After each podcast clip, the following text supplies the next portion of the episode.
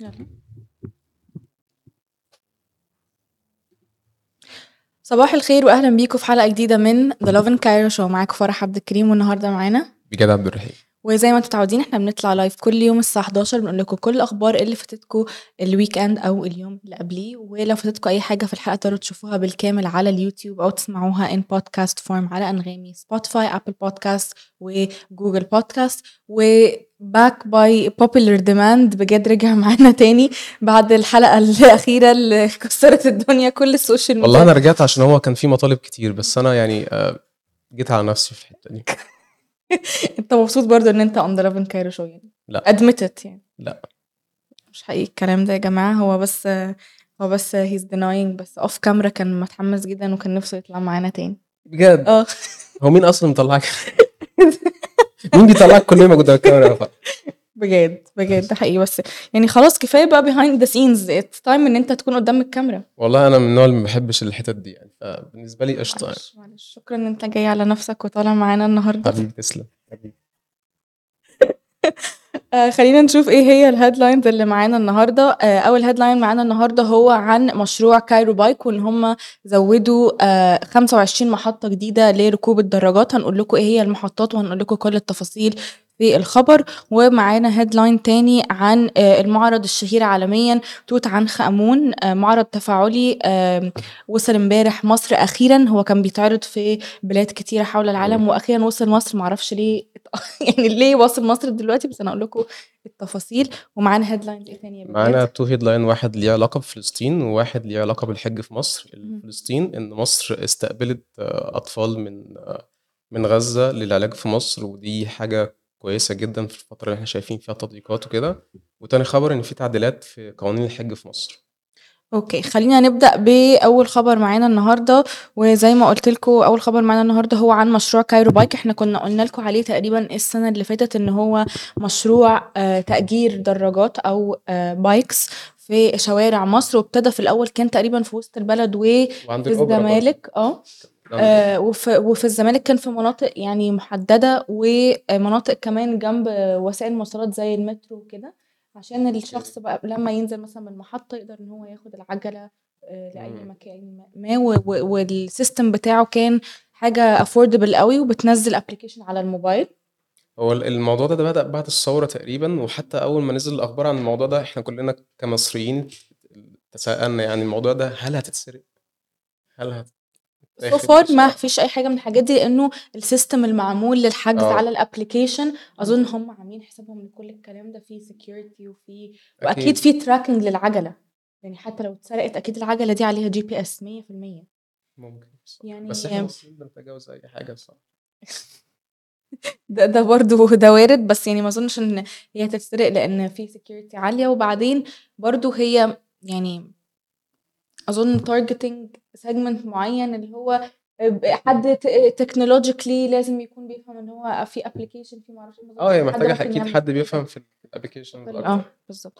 آه خلينا نقول لكم على آه المحطات الجديدة. آه اولا هيكون في محطة قدام مدخل شارع الجمهورية وقدام عمارة رمسيس وشارع الجمهورية مع نجيب الريحاني على رصيف المثلثة. وممر زكريا أحمد من شارع 26 يوليو وقدام مستشفى الهلال شارع رمسيس وشارع رمسيس قدام نقابة التجاريين وطبعا 25 محطة تانيين. آه لو عايزين تعرفوا بالظبط إيه المحطات آه، هننزلها لكم كلها. بس هي يعني متفرقة في أنحاء القاهرة وأنا أظن إن هي هتفيد ناس كتير. آه، وجنب محطات مترو كتيرة. فللي بينزل في مكانه بيضطر إن هو يتمشى ليه مش مضطر إن هو خلاص هيتمشى ليه هياخد ال- ال Cairo Bike دي و- وبمناسبة إن هم كمان زودوا محطات كتيرة فمش هتضطر يعني هتبقى سهل بالنسبة لك إن أنت ترجعها مش إن هي يبقى بعيد عليك إن أنت ترجعها تاني فدي حاجة حلوة قوي و... وشايفة إن هم كمان محتاجين يزودوا أكتر من 25 عشان ت- اللي هو تسيبها تحس إن أنت في متخيل إن المشروع زي ده ينجح مع المصريين؟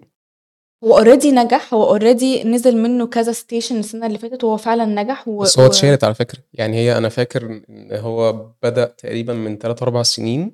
وبدأ قدام الأوبرا وفي الدقي كتير.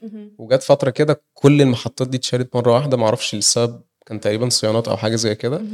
وتقريبا دلوقتي بقى دي ال- ال- ال launch بتاعه التاني أو حاجة زي كده آآ هو أول أول كام شهر كان أظن لسه يعني حاجة تجرب تجريبية ف وكانت بس تقريبًا 5 محطات مش متأكدة بالضبط، لإن ده كان حوالي من حوالي سنة أو أكتر دلوقتي، أوكي. وال25 دول لسه دلوقتي الstations لسه complete دلوقتي حالًا، إمم. ف official launch اللي هو تقدر أنت تأجر منها عجلة دي لسه برضه مش announced فأكيد هنعرّفكم برضه when it's announced. أنا شايفة إن هو حاجة المفروض تتعمل. إحنا عندنا يعني عندنا احتياج للpublic transportation أكتر. ومتنوع أكيد. أكتر.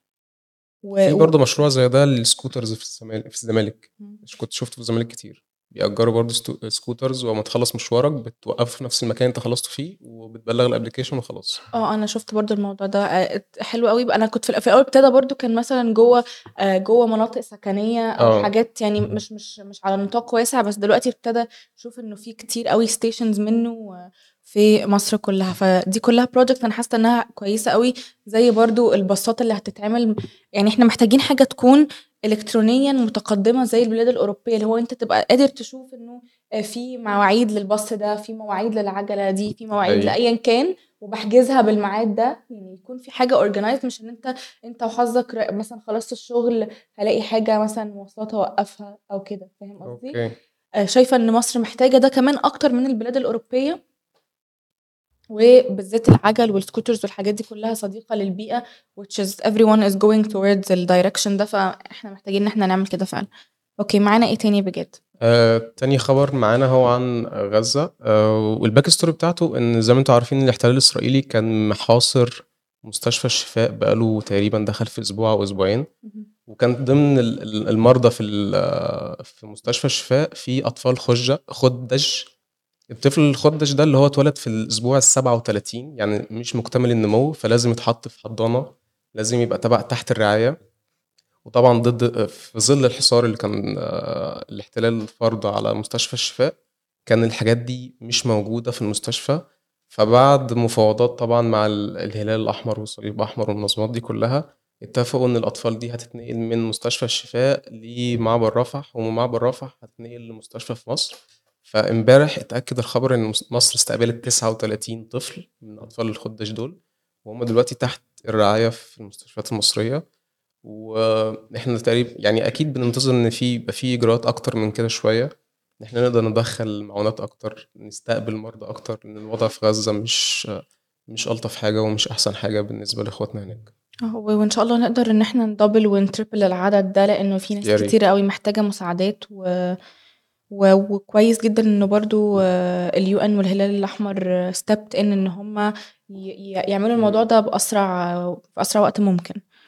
خلّينا ننتقل لتالت خبر معانا النهارده، وهو زي ما قُلت لكم عن المهر المعرض الشهير عالميًا توت عنخ آمون، هو معرض تفاعلي آآ فيه آآ like VR experience وكان دايمًا بيروح آآ بيتجول هنقول آآ حول بلاد العالم، ولأول مرّة وصل مصر في المتحف المصري الكبير، وبجد يا جماعة الصور إحنا هننزّل لكم الصور، ودلوقتي اللي بيتفرّج علينا على أي حاجة غير الإنستجرام هيقدر يشوف الgraphics ويشوف الصور، وهو بجد احتفال تاريخي و والاحتفال ده بمناسبة إن هُم اكتشفوا مقبرة الملك توت عنخ آمون قبل أكتر من قرن، فالاحتفال ده بمناسبة الموضوع ده، وحلو أوي إن هو أول مرّة ييجي مصر، أنا مستغربة أوي إن إحنا حاجتنا إحنا بتوصل لنا إحنا آخر حاجة، فأظن إنه المتحف المصري الكبير برضه هيدّي الفرصة إنه حاجات كتيرة ما كانتش بتحصل في مصر وكانت بتحصل في متاحف تانية كتير برّه مصر، أخيرًا تاخد حقها في بلدها، فدي حاجة حلوة جدًا، والحلو فيها كمان إن أنت تقدر تشوف معالم مصرية وآآ حاجات من التراث المصري بطريقة 360 يعني هت في الأوض هناك عاملينها في المتحف إن كل حاجة حواليك it's kind of like an immersive experience. أنت متعمق في الexperience بالكامل، لإن هي حواليك من كل الdirections. ف كانت في مستغربة. حملة تقريبًا من كام سنة لوزارة السياحة تبع startup مصري، اهم. هُم يعملوا ال ال الجولات السياحية دي عن طريق الapplication أو عن طريق اللي هي ال3D أها. tours والكلام ده كلّه، وطلعت فجأة برضه وكانت كويسة جدًا، VR. وتقريبًا انتشرت في في بلدان كتير.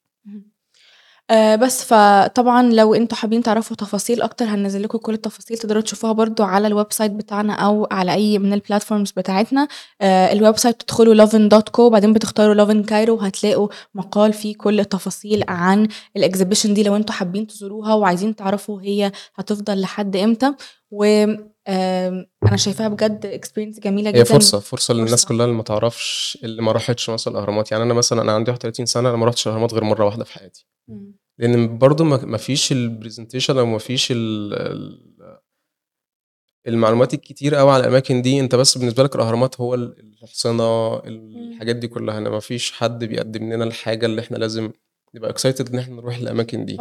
بالضبط. وبرضه باحس إن في element إن أنت بتبقى حاسس إن الحاجة موجودة عندك دايمًا، فاللي هو إيه أنا هاروحها إمم، وقت، ده حقيقي. فيعني غير لمّا تكون tourist أو كده بيبقوا هُم عندهم الحماس ده أكتر، لإن أنت حاسس إن أنت جاي فترة limited ولازم تشوف كل حاجة، بس إحنا بنبقى حاسين okay دي بلدنا، يعني أنا آه. الأهرامات في آخر الشارع عادي خالص هاروحها في أي وقت. أنا فاكر برضه أمّا رُحت الأهرامات مرّة، أنا مرّة نزّلوني في نفق جوّه الهرم تقريبًا دخل في ال300، 400 متر، أنت نازل تحت ونزلت في الآخر لقيت مصطبة، فاللي هو طَب أنتم ليه معذبينّي؟ طَب ما أنا ممكن أشوفها صور يعني، ممكن تحطّي لي أي حاجة تحت، موميا، حطّي لي أي حاجة أي suspense وأنا نازل، بس يعني كان كان مُتعب الصراحة. هو طبعًا في أماكن آآ في أماكن جوّه الهرم نفسه more interesting بس هو مش كلّها آه، يسمحوا للزوّار. إن هُم يدخلوها، فأنا أنا برضه طلعت كده زيك بتاع ما أعرفش 500.000 سلِّمة عشان أشوف مقبرة حد من الملوك،. وفي ال يعني آه، لأ وما شُفتش مش شايفة أي حاجة كانت الدنيا ضلمة جدًا في الآخر و وبجد يا جماعة بانصحكم لو ما عندكوش لياقة بدنية مش do it. آه، إحنا لا لازم لازم في حتّة الآثار بتاعتنا يتعمل عليها تعديلات، يعني برضه أنا لاحظت أمّا رُحت المتحف المصري القديم مش الجديد، إن قناع توت عنخ آمون ممنوع إن أنت تتصوّر معاه، ممنوع تتصوّر معاه، بس مسموح لبعض الأجانب، أو مثلًا الأجانب قشطة، إنما المصريين لأ. أول مرّة أسمع المعلومة دي الصراحة. لأ، أنا دي دي أنا يعني دي حصلت لي أنا، يعني جيت أصوّره مثلًا عشان أنزّله قال لي ممنوع التصوير، بس بعديّا بالضبط حد أجنبي كان بيصوّر وصوّر عادي يعني، فليه؟ That's weird. We will check out this information يا ونأكد عليكم تاني. وزارة السياحة وزارة الآثار. أوكي، آآ آآ آخر خبر معانا النهارده؟ النهارده آخر خبر إن وزارة ال السياحة دخّلت تعديلات على قانون القرعة بتاع الحِج، لإن الحِج كان في نظامين تقريبًا، نظام خاص ونظام قرعة، نظام القرعة ده أنت بتخش فيه ولو جات عليك بتطلع، ما جاتش خلاص ممكن ي تت تتشيفت للسنة اللي بعدها. التعديل ده إن أنت لو وقعت عليك القرعة إن أنت ممكن تدّيها لوالدك أو والدتك يطلعوا مكانك خلال السنة دي.